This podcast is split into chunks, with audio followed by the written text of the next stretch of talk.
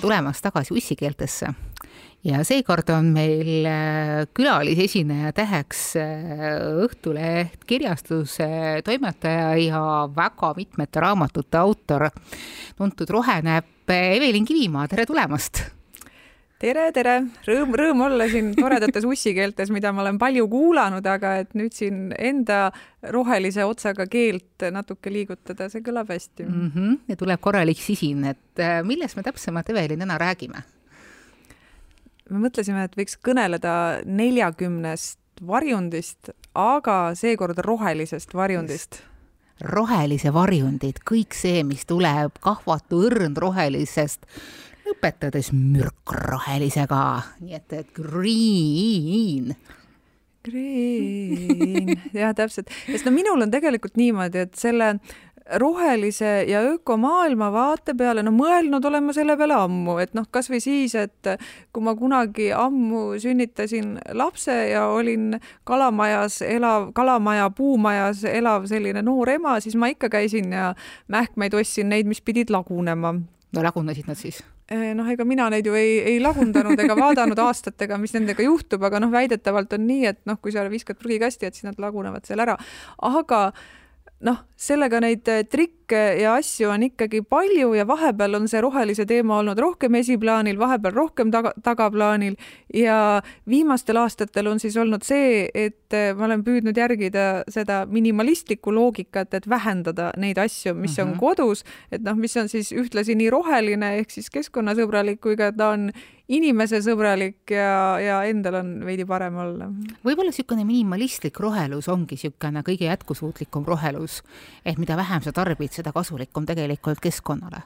vähemalt nii ma olen lugenud vaata selle keskkonnaga ja selle rohelisega ongi, et, et see ei ole nagu üks roheline, et sa näed ühtepidi mm, -hmm. et mhm. vot nii on nüüd öko ja nii on nüüd õige, et seal on need igasugused klannid ja klikid ja asjad ja. Need ongi need varjundid jaa, täpselt, et kas, kas nagu õige, õige roheline on see, kes nagu sööb ainult juurikaid ja muud ja rohelist kraami või siis on õige tegelane see, kes jätab avokaado poodi, sest see on toodud kaugelt maalt ja tuleks mm -hmm. süüa nagu lähikonnas olevaid juurikaid või siis noh, ma ütlen, neid asju saab niimoodi arendada ja mõelda, noh. No ma kujutan ette, et päris õige see kõige, kõige puhtam ja kõige südametunnistuse piinade ette roheline ei olegi Eestis võimalik olla, sest siis sa peaksid olema vegan seal on olemas väga palju positiivseid äh, põhjuseid. Äh, ei pea olema. ainult..., ei pea, no nüüd ma olen jälle teisel meelel täiesti. utreeringutes, siin läheb praegu niisuguse süva-süva rohelisse, ma praegu, praegu lähen, et, et kui me nüüd niimoodi võtame, et kui sa tahad olla kõik mingisugused boonused, plussid,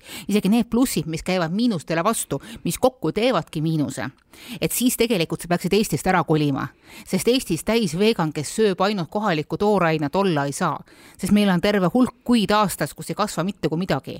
ja sa saad jah, loomulikult asju äh, kõrvale panna, aga nende toiteväärtus ei ole selline, et sa ainult kohalike asjadega äh, veganina aastaringselt hakkama saad niimoodi, et su tervis ei kannata, sul ei ole vaja midagi juurde võtta aa, no ma ei tea muidugi, kuidas sellega oleks, et sügavkülmatoiduline, kas oleks võimalik olla, et suvel, suvel, suvel topid täis selle sügavkülma marju ja talvel see on, see on kahjulikud gaasid ja see on elektri äh,, ühesõnaga siis sa, siis sa pead jälle ostma külmkapi ja külmkapi tootmine on keskkonnaoht mm. -hmm. sa peaksid olema niimoodi, et, et kõik need asjandused on sul sügaval maakeldris ja sa tõesti kasutad võimalikult vähe igasuguseid tööstuslikke asju et niimoodi saab olla täiesti südametunnistuse piinad, et äh, keskkonnale võimalikult väikse koormusega kusagil paras, kusagil troopilises äh, parasvöötme ribas või midagi kusagil sealkandis, ühesõnaga märksa rohkem lõunamal. ühesõnaga troopiline roheline varjund, eks ole, aga Eestis jah, see nagu ei funka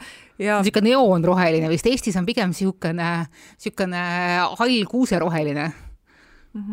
Ja siis ütleme, et äh, teine asi, et inimene on ju ka looduse osa ja kui ma näiteks palun, et öö, äh, mu elukaaslane kellele ma tutvustasin äh, prügisorteerimist ja kes alguses vahtis nagu lihtsalt suurte silmadega ja ütles, et ei noh, et seda pole vaja ja see on lollus ja nii edasi, et nüüd pärast seda, kui on mööda läinud mingi paar aastat, mis me oleme koos elanud, siis tal on see enam-vähem käpas, kuigi ta mõne asja kohta võtab, noh, ma ei tea, näiteks mingi äh, jäätiste ümber olnud äh, mingi papist pakendi ja ütleb, et aga see on ju papp, aga see on ju pakend, ma panen selle pakendisse, ma ütlen ei ole, see on papp, see läheb pappi, aga miks, see on ju pakend. Ja saad aru, siukseid vestlusi meil on olnud. Ja noh ma ei saa lasta tal visata asju suvaliselt, sest see häiriks mind minu kodus, et kui need asjad lähevad valesse kohta, aga samal ajal noh, ma saan aru, et jälle teistpidi tal on see niimoodi, et äh, ajab juhtme kokku, et miks peaks nii tegema. ma mingil määral saan su elukaaslasest väga hästi aru, sest et kuigi ma ise peaksin ka ennast mingit pidi väikese rohelise kirmega, noh, väga enesekriitiliselt, niisuguse rohe, rohekirmega inimeseks, siis võrreldes oma abikaasaga olen ma ikka väga niisugune mullakarva.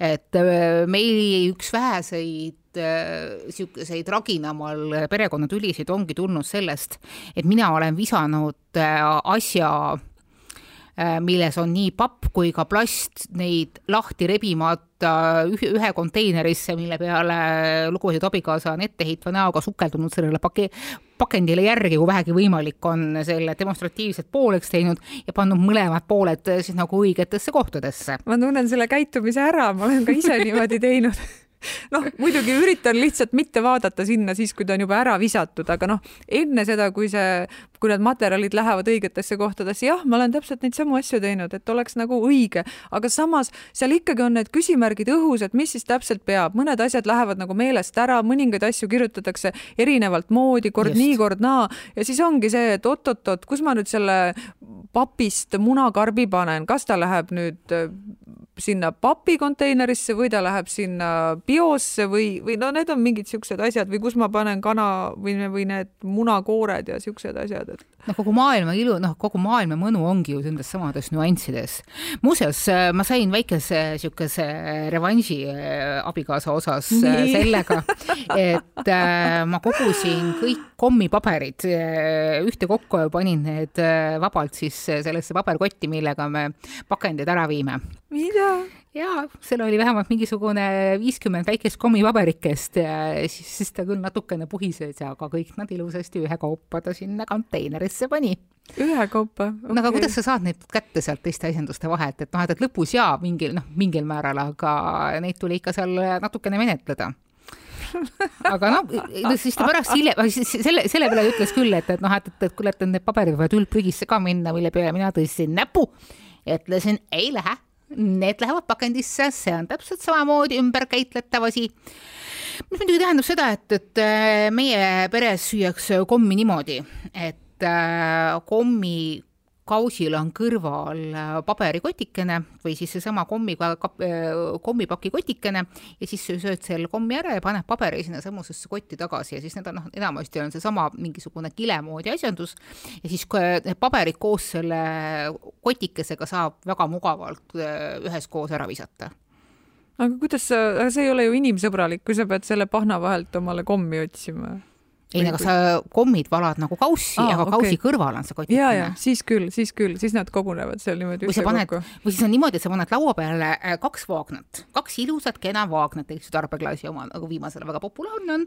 siis ühes vaagnakeses on sinu ilusad kommid ja teises vaagnakeses on sinu ilusad kommipaberid see on nagu meie lapsepõlve tagasiminek. kas sinu kõige esimene kogumisartikkel ei olnud mitte ka kommipaberid? no võisid olla läikivad, ma isegi peast ei mäleta, marke ma kogusin, aga kas ma kommipabereid ka kogusin, igatahes nad olid väga kaunid ja need jäid nagu mina, meelde. mina, mina kogusin kommipabereid, ma küll oma kollektsiooniga kusagile kaugele ei jõudnud, sest et ma üsna kiiresti kaotasin selle vastu igasuguse huvi, sest et äh, need kommipabereid sai nagu kuidagi õudselt palju ja mul oli alati kurb vaadata seda paberit, mille sees ei olnud kommi et see mm. tuletas mulle nagu meelde just väga tugevasti seda, et, et mul ei ole enam kommi, mis asja ma neist paberitest vahin mm. -hmm niisugune liiga negatiivse alatooniga nostalgitsemine, et oh küll kunagi olid maitsed, ma tahan need tagasi saada, ma tahan veel neid saada, mis asja mm. -hmm.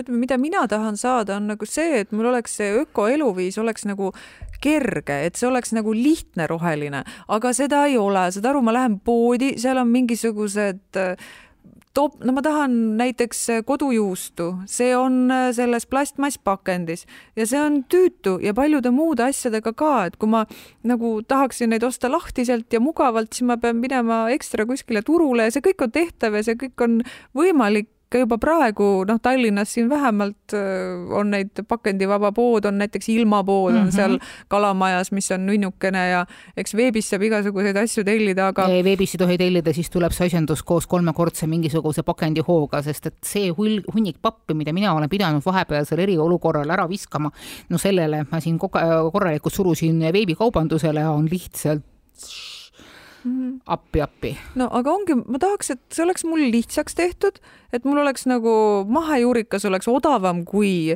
kui see keemiaga kasvatatud juurikas. ma tahaks, et mul oleksid kõik nagu sobivates pakendites juba olemas, mitte see, et mina peaksin seal nagu võitlema ja siplema, et ma tean, et nagu see rahakotiga ma hääletan ja kui ma ostan nii-öelda õigeid asju, õigeid rohelisi asju, siis edaspidi neid toodetakse rohkem ja kõike muud. aga ma tahaks, et see oleks mul mugav, mitte see, et kui ma pärast tööd koju lähen, siis ma peaks hakkama nagu veel mõtlema, et kust ma nüüd mida võtan, ma tahaks, et ma saaks oma kodulähedasest poest kõik mugavalt kätte.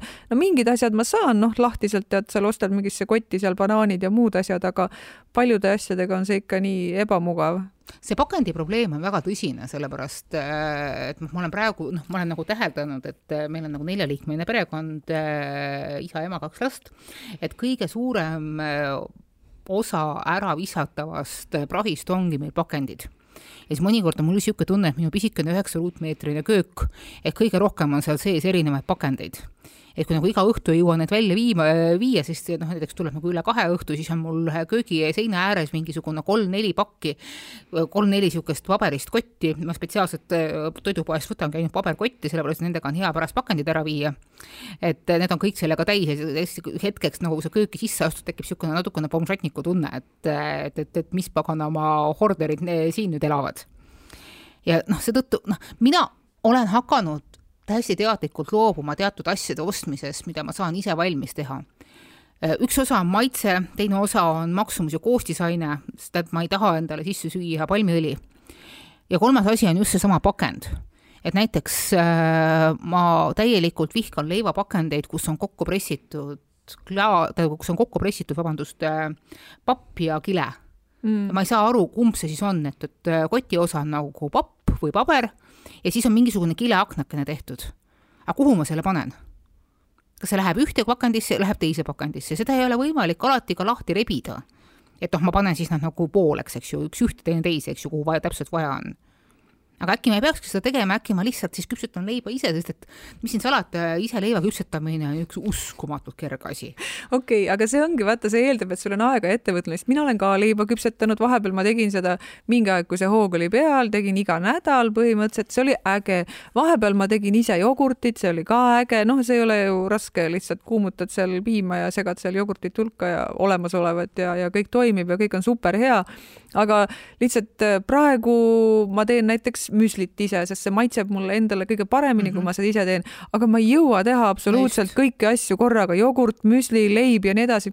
ma pean tunnistama, et ma ostsin näiteks äh, peaaegu tööstusliku koguse sidrunhapet selle mõttega, et ma teen ökoloogilist äh, nõudepesumasina vahendit ja see sidrunhape seisab mul siiamaani ja ma olen ostnud tavalist nõudepesumasina vahendit, sest ma ei ole jõudnud selle kokkusegamiseni, noh, kõik on võimalik, aga on ka sada, sada muud asja ja niimoodi. see on omaette töökoht, aeg-ajalt ongi niisugune tunne, kui sa tahaksid elada nagu täielikult noh, noh mitte täielikult, vaid võimalikult palju südametunnistuse piinavabalt, et see tegelikult on nagu öö, omaette täiskohaga töökoht, mille eest keegi sulle mingisugust palka ei maksa, aga kuna paraku sul seda palka on vaja, siis kusagilt pead tegema õhvendusi, et, et ma olen täpselt samamoodi seetõttu ise hakka, ise loobunud küll kahetsustundega selle koduse müsli tegemises, mis maitseb mulle paremini, mis on odavam, mis on toredam sest nendest mulle maitseb kardamoni, kaneeli, müsli, niisuguseid asju turu peal ei ole.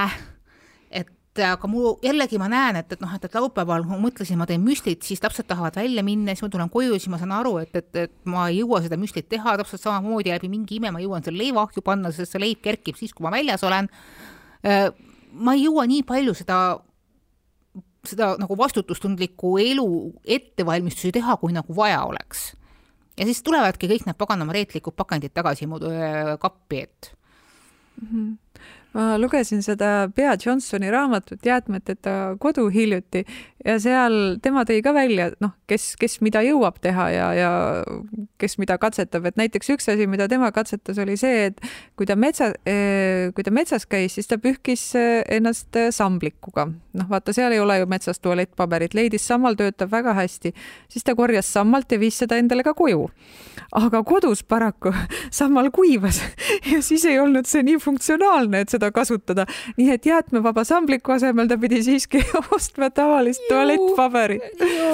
ei no aga ta katsetas ja mulle see avameelsus nagu nii hullult meeldis, mis ta kirjutas. Ja noh, samas tõesti selle jäätmevabadusega näiteks üks trikk, et kui sa ostad ravimeid, see oli asi, mille peale ma polnud kunagi tulnud, et et kui ma ostan ravimeid, siis ma mõtleks ka selle pakendite peale, noh, võtad seda, mis on, aga tegelikult tõesti, kuna mingid näiteks mingid valuvaigistid või midagi võivad olla, et nii klaaspurk kui ka plastikust purk, siis mõttekam on võtta nagu suurem pakend ja klaasist, sest see on nagu ümbertöödeldav, eks ole, pärast see plastik seal, see ei idane ega mädane ja seisab seal sadu aastaid, aga klaasi saab korduvalt ja korduvalt ümber töödelda.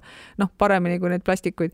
et ma viskan nad küll õigesse konteinerisse, aga ma tean, et klaasiga on pärast nagu hiljem Mm -hmm, lihtsam, lihtsam möllata. ja seal oligi nagu ideid oli nii palju selles raamatus, mida kõike pole absoluutselt rakendanud, ma ei tea, kuidas sa seal kakaoga põski värvid ja mida iganes, mis seal olid, need trikid, kõike vast ei rakenda, aga noh, häid, häid mõtteid selles raamatus oli küll. see Bea Johnson on kunagi Eestis ka käinud, aga noh, siis ma veel nii palju selle minimalismi ja jäätmevabaduse peale ei mõelnud, et siis ma ei sattunud seda kuskil nägema ega kuulma, aga, aga praegu praegu nagu on väga omal kohal.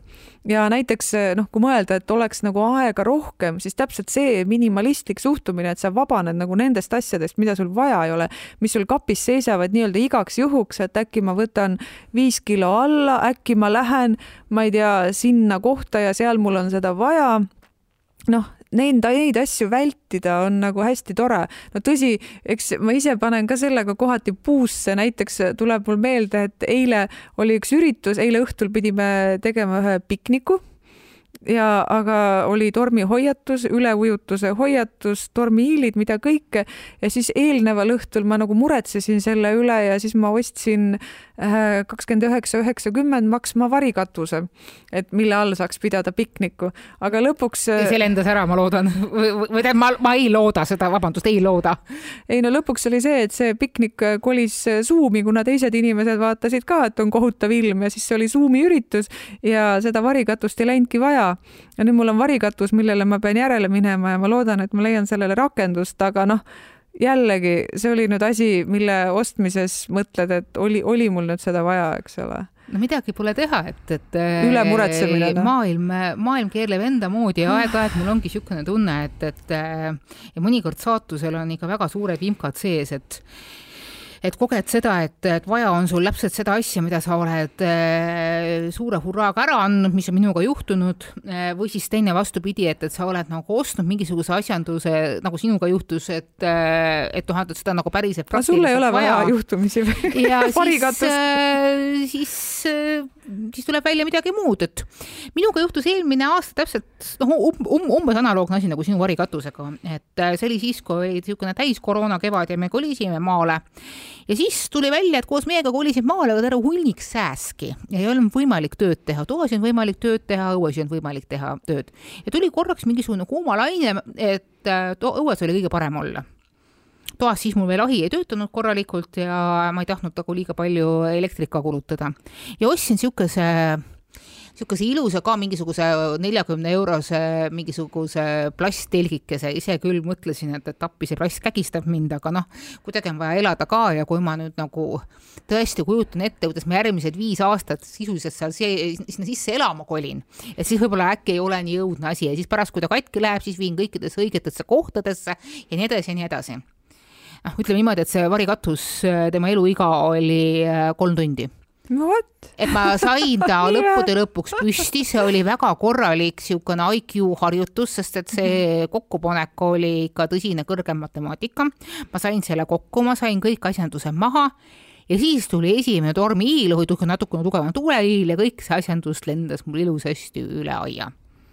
Naabrid, naabrilastele hirmsasti meeldis, me olime terve suvi nende suured lemmikud, nad kogu aeg rääkisid, aga siis, aga siis, kui see suur roheline pilv, see niisugune rohelist värvi ka veel, siin vileda ja aia lendas, noh, see oli kõik väga kena ja tore aga see raamat, mis sa kuule, aga rääkisid... siis sul on, vabandust, ma segan, aga siis ja. sul on vaja ju uut varikatust, mul, mul, mul juhuslikult üks on kakskümmend üheksa, üheksakümmend, kolm korda kolm meetrit. ma guugeldasin, see peaks olema äh, veekindel, kusjuures vaata, see on see asi, kui sa soetad asju, nad ei võta ainult su raha, nad võtavad su energiat, sellepärast et mul võttis see sellel õhtul aega, et kui ma loen, et äh, sada grammi milliliitri kohta polüetüleen, see ei ütle mulle midagi, kas see on veekindel või ei ole, sest mõned asjad ei olnud veekindlad.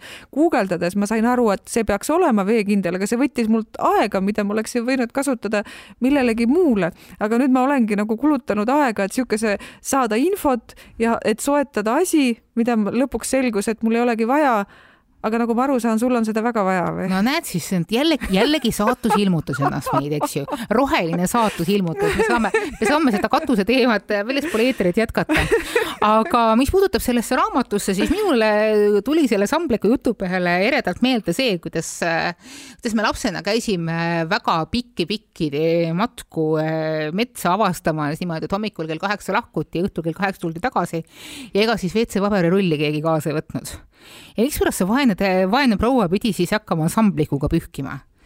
iga laps teab ju, et pepu pühkimiseks tuleb võtta üks suur ja korralik tugev kortsleht või mm. siis teeleht, need ei lähe katki ka. no see on ilmselt mugavam, aga samblik sihuke pehme roheline no teeb puruseks ja ka saad aru, lehega on niimoodi, et, et see läheb väga ilusasti ja siis pärast lähed veel kusagile metsajärve pesema ja siis on nagu, ma ei tea, nagu öko või möko või midagi siukest. ja see tundus, kusjuures vanasti see tundus nagu loomulik, et ja, mitte sa ei nimetagi seda ökoks, vaid seda samamoodi lapsena teinud.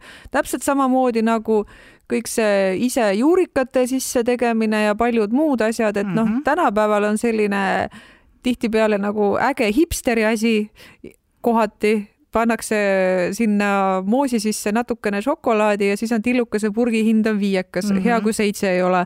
aga noh, okei aga noh, samal ajal see võiks olla vabalt sihuke soodne, lihtne, nagu see kunagi oli ja tehti tohututes kogustes. ma just, ma just me eile rääkisin ühe, ühe sellel sügisel tuleva toidutareli projekti jaoks äh, inimestega ja palusin neid meenutada siin kolmekümne, neljakümne aasta taguseid aegu, kui oli nõukaaja lõpp ja taasiseseisvumis aja nagu koidik, et, et kuidas me toona elasime. ja kuivõrd meeletu puudus oli siis kõikidest asjadest ja kuna ja, ja, ja, ja kus me elasime tõsiselt asjadest, mida tuli ise leiutada ja ise luua. et sul lihtsalt noh, poes ei olnud mitte kui midagi, sõna otseses mõttes mitte kui midagi Mm -hmm. ja kõik tuli kuidagi väga teadlikult äh, teha, et, tuli teha moosi, kus ei olnud suhkrut sees, tuli teha saiu, kus ei olnud pärmi sees, tuli teha suppe millel ei olnud liha sees, sest et liha oli lihtsalt nii paganama kallis, kellelgi ei olnud seda kusagilt võtta. ja ma praegu mõtlen, et see on nagu kaasaja niisugune hipsteri unenägu jaa, et sa saad asju ise teha ja mõelda ja rakendada oma loomingulisust ja oh kui tore ja väljakutsuv, väljakutseid pakkuv, kui sul ainult vähegi selle jaoks aega on. aga tänapäeval on näiteks ju omane ka see, et ökoloogilistel põhjustel inimesed näiteks ei taha lapsi saada et ütlevad, et maailm niigi ülerahvastatud, miljardeid kui palju, et ei peaks, peaks neid saama. no minul on tütar, ma olen väga õnnelik, et ta on. Ja tore, noh, kümmet last ma tõesti ei oleks tahtnud, üks, ük, mul on üks, eks ole, niimoodi, aga samamoodi võib seda ju teemat ju niimoodi edasi arendada ja mõelda, et äkki siis oleks äh, ökoloogilisem. äh, no mida ta ei ole, see on nüüd rubriigist mürkroheline mm, -hmm. et äkki oleks nagu ökoloogilisem siis need päris vanad ja haiged inimesed kuidagi nagu. me räägime eutanaasiast. mürkrohelisest eutanaasiast, kus kohas me kaotame ära mõiste nagu inimlikkus. et äh, ma saan, ma saan aru inimestest, kes ütlevad, et äh, et nad ei taha keskkondlikel põhjustel lapsi saada enamasti on tegemist inimestega, kes nii ehk naa ei, ei oleks selles valdkonnas kutset tundnud. et midagi pole teha, et, et on olemas inimesed, äh, kellele see ei sobi, kes ei soovi saada lapsevanemateks. Äh, kes valivadki teadlikult lastevaba elu ja see on ka okei okay jaa, aga, aga ma arvan, et see rohelisus seal nagu põhjuseks tuua, kas see on nagu õige, no nende enda meelest on nojah, ja kes olen mina, et seda nagu otsustada, et, et see tegelikult ei ole niimoodi, et noh, see oleks ka selline libaroheline teooria. see võib olla nagu äh, ühe põhjuse mitu erinevat külge, et, et noh, et, et millist põhjendus kellelegi antakse, et noh, et, et millise, milline põhjus paneb seltskonna suu kinni, sest et noh, vähemalt Eestis on siiamaani niimoodi, et, et eriti vanemate inimeste seltskonnas, kui sa hakkad, noh, kui sa tunnistad ausalt, et noh, et, et miks ma need väiksed jalad ei padista, et noh, sorry, ma ei taha ma lihtsalt ei saa, noh, ei soovi, ma olen, ma olen niimoodi otsustanud et, äh, et siis väga sageli on vaja sul mingisugust, mingit asja, mis nagu inimeste suu kinni paneks, et sind, et sind rahule jätaks ja siis see on, noh, see, see, see, see on üks põhjus, et noh, et inimesi on piisavalt palju, et ma lihtsalt ei soovi. et ka see ei tähenda, et, et maailmas lapsed ära kaovad. et noh, kui, kui see tendents oleks survestav, et äh, et sa ei tohi lapsi saada selleks, et, et keskkonda säästa.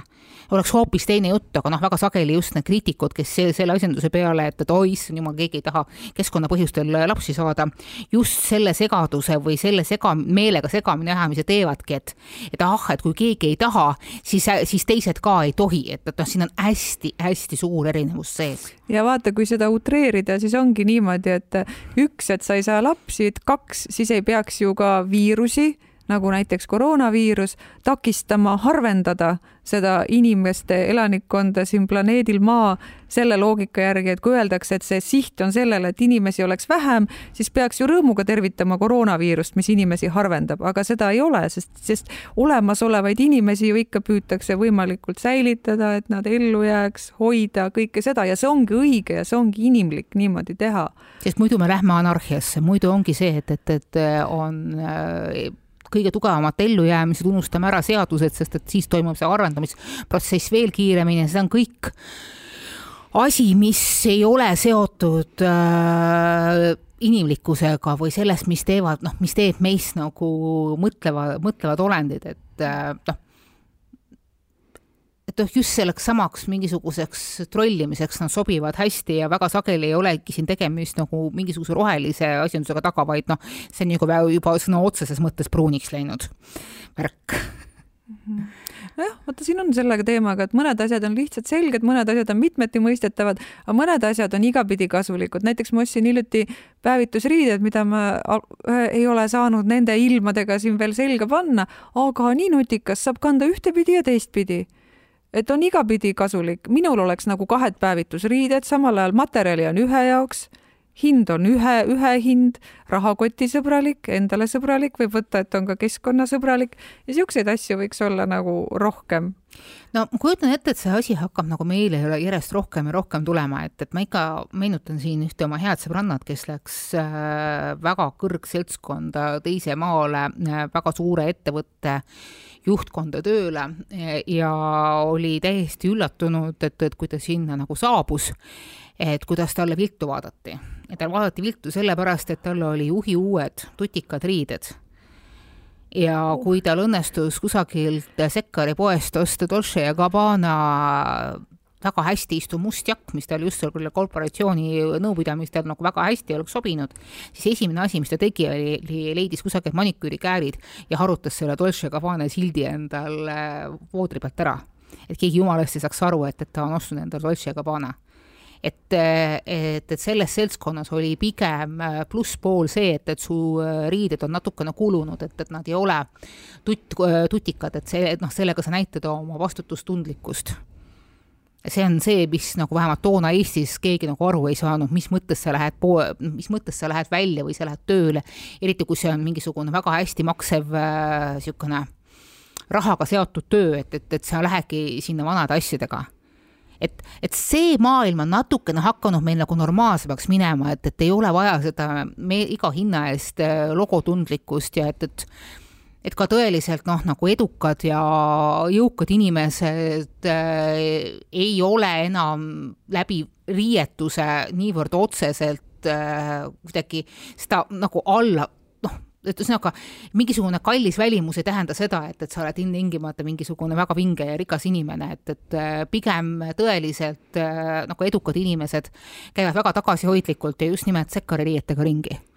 Noh, seal tulevad jälle need äärmused, et kellel on sedasorti äh, kapselgarderoob, et noh, väga vähe asju seal lihtsalt niimoodi, mida ta kombineerib, kellel on siis välja mõeldud endale selle vormiriietuse, et näiteks iga päev kannab ainult mingit musta T-särki, noh nagu näiteks Joshua Becker, kes ka räägib minimalismist, kelle videoid olen ma vaadanud. kunagi vanemates videotes tal oli vist isegi ka valge särk kohati seljas, aga viimasel ajal on ainult must särk seljas ja.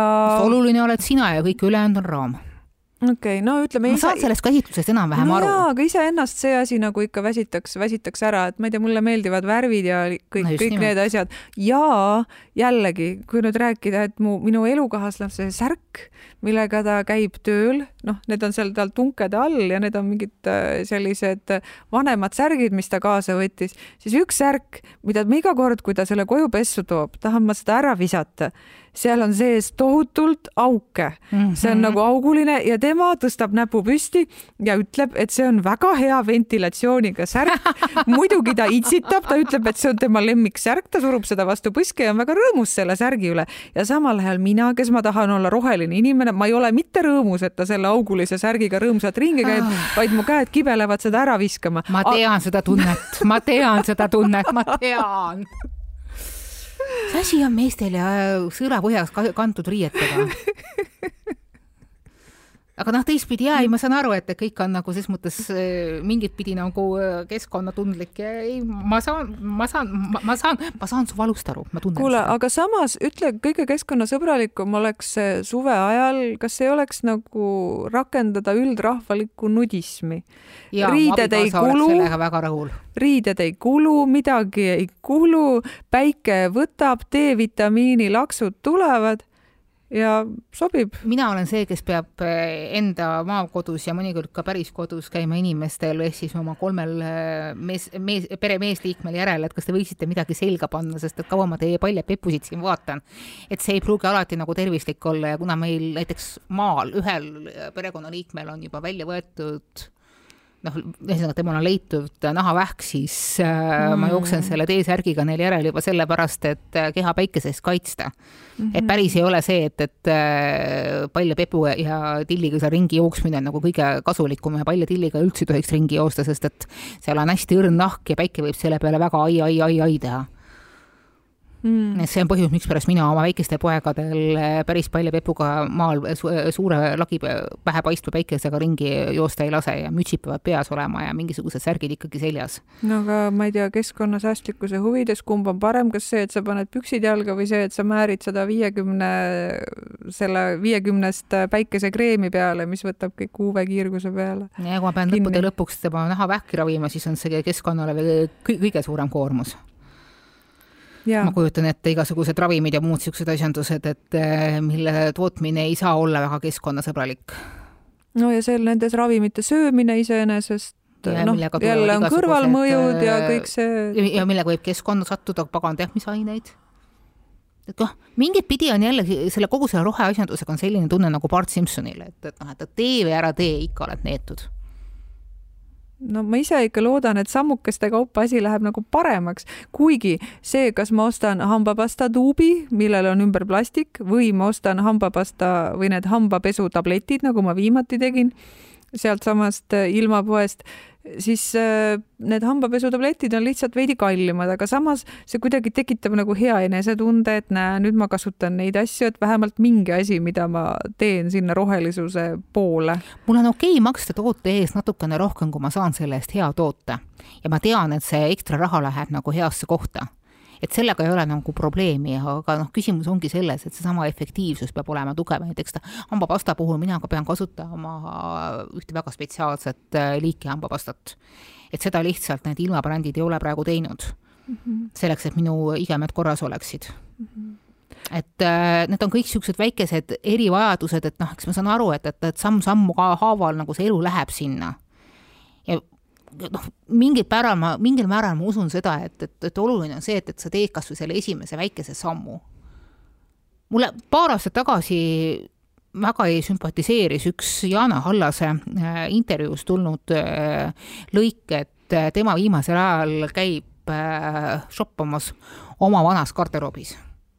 Jana Halla stilist äh,, it-tüdruk äh, üheksakümnendate äh, nullindate üks kõige vingemini rõivastuvaid modelle ja mis iganes ta kõik teinud on, ma kujutan ette, et tema garderoob näeb ikka väga vinge välja. Ja kuna ta ise näeb sama vinge välja viimased nagu kolm aastakümmet, siis tõesti ta saab minna oma kahekümne aasta tagusesse aega, mis on uuesti moodsaks saanud, võtab sealt mingisugused asjad, paneb uuesti selga ja kannab neid taas no see on õnnelik inimene, kes mahub kahekümne aasta tagustesse rõivastesse, ma ka hea meelega mahuks, aga no ei ole enam see suurusnumber, pole midagi teha, eks ole. et selles mõttes, et see, kui oleks nagu püsiks samas suurusnumbris, see oleks ka väga öko, selles mõttes, et tõesti saad kanda kahekümne aasta tagused riided. mina olen need vahepealsed väiksemad riided pidanud paraku ära andma, kuna need lihtsalt ei mahu selga. vahepeal seisid kapis, aga noh, ei ole mõtet, läksid ära samamoodi on tulnud ära anda asju, millest oled äh, lihtsalt nagu välja kasvanud. mis ja... sulle stilistiliselt enam ei meeldi, mis ei ole enam sina, mis ei räägi siin sinu keelt, eks ju ja, ja sama lugu on tegelikult ju kõige muuga, et noh, mitte ainult riided ja mitte ainult asjad, vaid need on ka ikkagi inimesed sinu ümber, et noh, kui, kui see suhe ei ole enam nagu see no, mis, mis toimib ja mis toidab hinge, siis see on ebatervislik järelikult, sest see teeb su tuju halvaks, siis kui tuju läheb halvaks, siis sul kaob uni ära, siis kui uni kaob ära, sa pead võtma unerohtu ja võib-olla ikka ei saa magada ja kõik see kogu muu kupatus, et noh, seda, sedapidi võttes on väga tervislik olla õnnelik minu arust. just nimelt, see on hästi roheline mõtteviis ka, et, et sa oled õnnelik, armunud iseendasse, siis armub sinusse ka ülejäänud maailm ja kogu see maailm saab olema, olla võimalik niisugune siiruviiruline ja natukene ka roheline. aga siin ikkagi mul meenus üks mu tuttava tuttav, kes äh, võttiski osaliselt oma kahekümne aasta taguse garderoobi nimel ette korraliku säleduskuuri. noh, ütleme niimoodi, et temal olid ikka asjad väga korralikult käest ära ja ta võttis kusagil pooleteist aastaga ikka väga korralikult kaalust alla ja siis ta sai uuesti hakata kasutama sedasama äh, oma vana garderoobi ja kõik ümberringi olid täiesti pahviks löödud, kus sa said järsku nii palju ilusaid riideid, nii palju kauneid asju, kuidas sa neid praegu nii hästi välja kannad. ja siis ta ütleski, et, et aga noh, vaata, ma ei visanud vahepealse garderoobi ära, ma teadsin, et ma ühel hetkel võtan ennast kätte. ja mhm. võttiski ja kusjuures ta kannab praegu neid oma kunagisi lemmikasju ka ta ikka alles hoidnud, hoidis need lemmikasjad alles. ta kannab neid mingisuguse hoopis teistsuguse enesetundega, mingi teistsuguse enesekindlusega ja ta näeb nendest nagu kuratlikult hea välja no palju õnne, kui sa saad selles kindel olla. sa ei saa selles kindel no olla, vot selles see asi ongi. Endal lihtsalt rikub, rikub tuju, kui siuksed asjad seisavad. ja kui palju meil nagu kapiruumi tegelikult inimestel on, noh. elamised ei ole nii suured, me ei ela paleedes et no... ikkagi väikene Maria Kondo tuleb teha.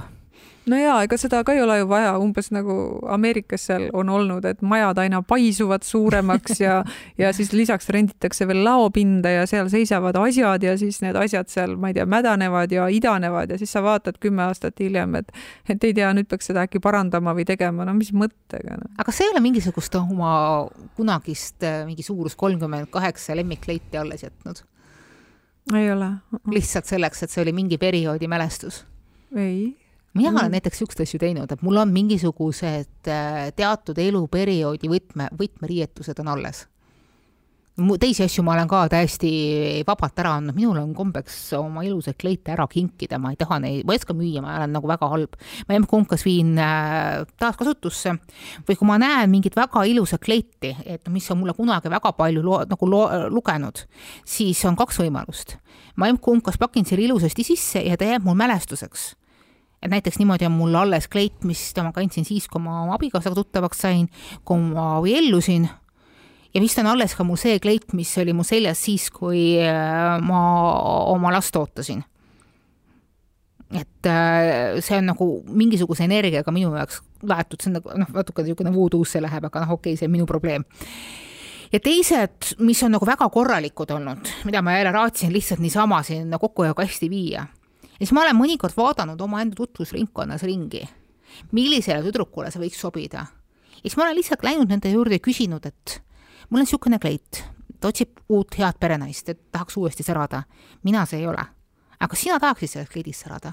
no aga see on väga ilus niimoodi teha, täpselt see, et, et sa nagu näed, siis sa suunad selle edasi mm. -hmm. ja noh, sest kui sa viid selle lihtsalt äraandmisesse, mis on ka väga super, et noh, mitte ei viska prügikasti, vaid viid kuskile tõesti taaskasutuspoodi, paned sinna kogumisse, siis sa ei tea, kes selle, kes selle leiab, kas selle leiab, võib-olla läheb õnnetul kleidil nagu kehvasti, ikka lõpetab, ma ei tea, kuskil prügimäel, aga kui sa ise nagu ta käiku annad, see on väga super ja mm -hmm. kas enamasti võetakse vastu või? enamasti võetakse vastu mm,. no väga hea ju.